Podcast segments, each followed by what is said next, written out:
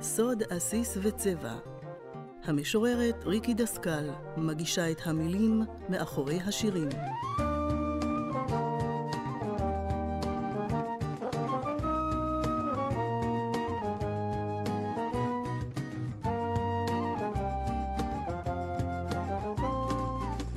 שלום לכם מאזינים יקרים. כאן ריקי דסקל, בהסכת סוד עסיס וצבע, המבקש הפעם גר, אלמנה ומטפלות לא תעשוקו. ב-2013 התפרסמה אנתולוגיה של שירה חברתית ושמה מחאת כפיים. ערכו אותה שלושה משוררים ירושלמים, גלעד מאירי, נועה שקרג'י ודורית וייסמן. וכך כותבים האורחים בפתח הדבר שלהם. מחאת האוהלים בקיץ 2011 הסתיימה בכישלון פוליטי ובמותו, לפחות לעת עתה, של המרי החברתי בישראל. אנתולוגיה זו מבקשת לנסוך אמון מחודש ביכולתו של הפרט להשפיע על מציאות החיים הכלכלית-חברתית בישראל בכלים פואטיים. באנתולוגיה עשרות שירים של משוררים ומשוררות במגוון רחב של נושאים, כולם חברתיים. מאז ומתמיד עמדו משוררים בשער, התריעו, גינו וביקו תופעות חברתיות פסולות בעיניהם. הם עשו זאת מנהמת ליבם ומתוך רצון לתקן את סולם הערכים המוסרי שהחברה ומנהיגיה שברו. אתעלה באילן הגבוה ירמיהו המשורר, המוכיח ומאשים את העם ומנהיגיו בשל קלקולים חברתיים ומוסריים, ומנבא בשל כך על החורבן המתקרב. ככלוב מלא עוף, כן בתיהם מלאים מרמה, על כן גדלו ויעשירו. השיר הפותח את האנתולוגיה הוא "והעיר נהפכת" מאת אמיר אור, שנתלה אף הוא על אילן עתיק לא פחות על יונה הנביא. וכן, הייתי אומרת גם על שירי הזעם והתוכחה של חיים נחמן ביאליק. והעיר נהפכת. שמש מעל גגות, שמש על העיר, מעל המוכרים והקונים, מעל לוגמי הקפה, מעל עשן המכוניות, מעל אוהבים ואהבתם, עולם כמנהגו, עולם כמנהגם, אבל סופו בתוכו, בתוכם. עוד מעט והעיר נהפכת, על רשרוש עטיפות כריכי המזנונים, ועל מלמול הפקידים הרתומים לשולחנם, על קרקוש תופי כביסה במכבסה הציבורית, ועל חירוק שיניהם ורכינת ראשם של פועלי הפירמידות ושל עבדי הקבלנים, אלה הזרים ואלה המוכרים, ועל תודות גמולי החסד נתמכי סעודתם, המחפשים ומוצאים באשפה את מחייתם.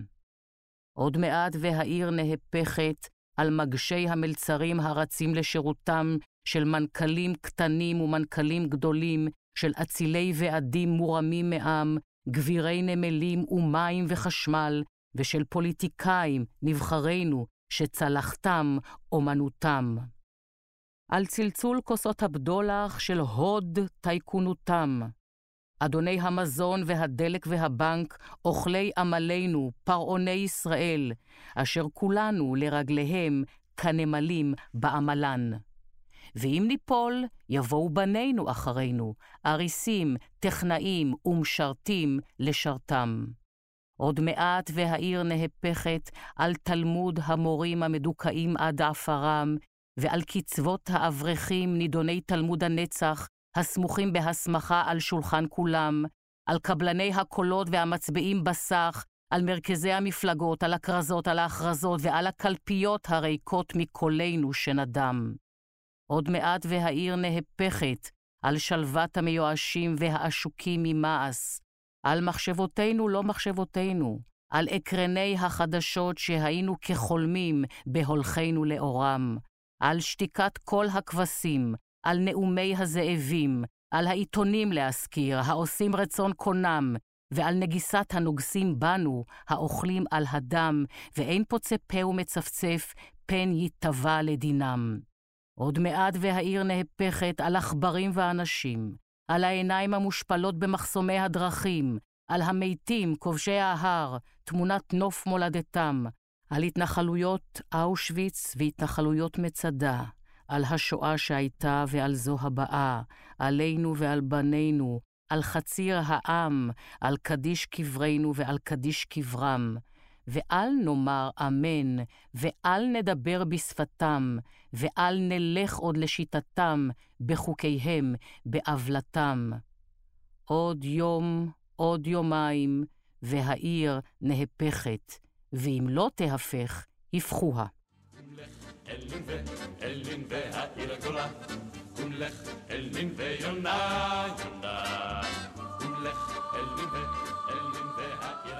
השורה ועוד מעט והעיר נהפכת חוזרת על עצמה בתחילת כל בית, והיא נשענת על ספר יונה פרק ג' יהי דבר אדוני אל יונה שנית לאמור.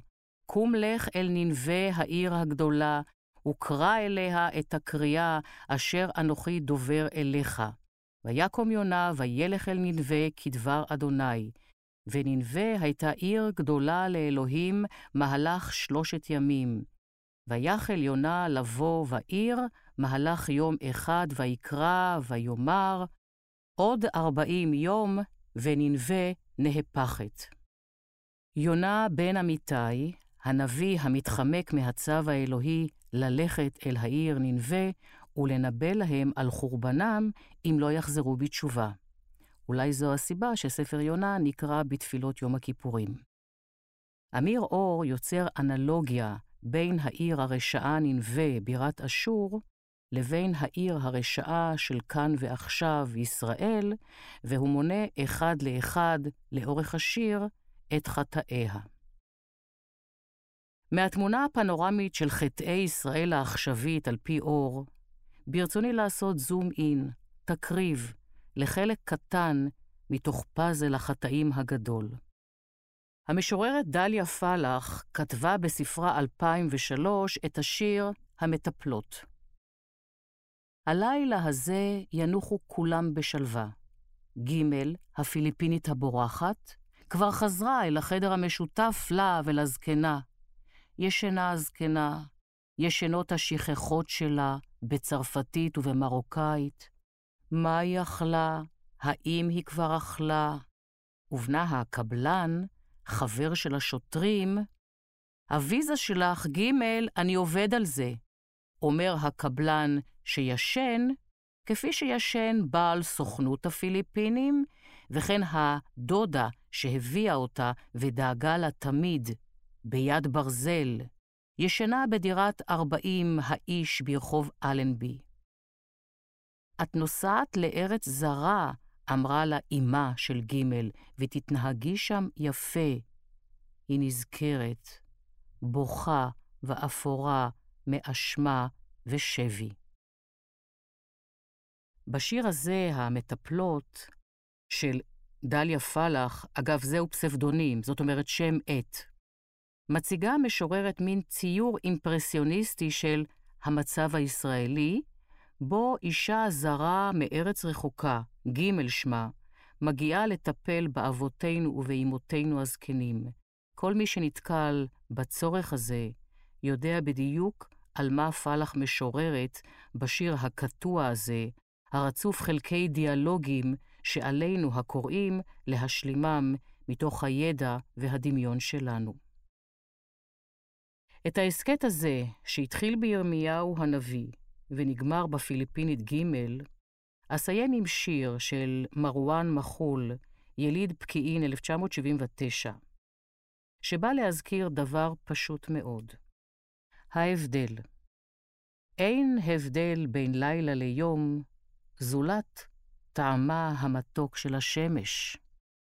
אין הבדל בין השיכור לחסיד, זולת כנותו של הראשון. אין הבדל בין העצים לברדים, זולת תפקידו של העץ בדברי הימים. אין הבדל ביני לבינך, אין הבדל כלל. בהסכת הבא נגיד כן לציפור. תודה רבה לנתי גרינברג על העריכה הטכנית.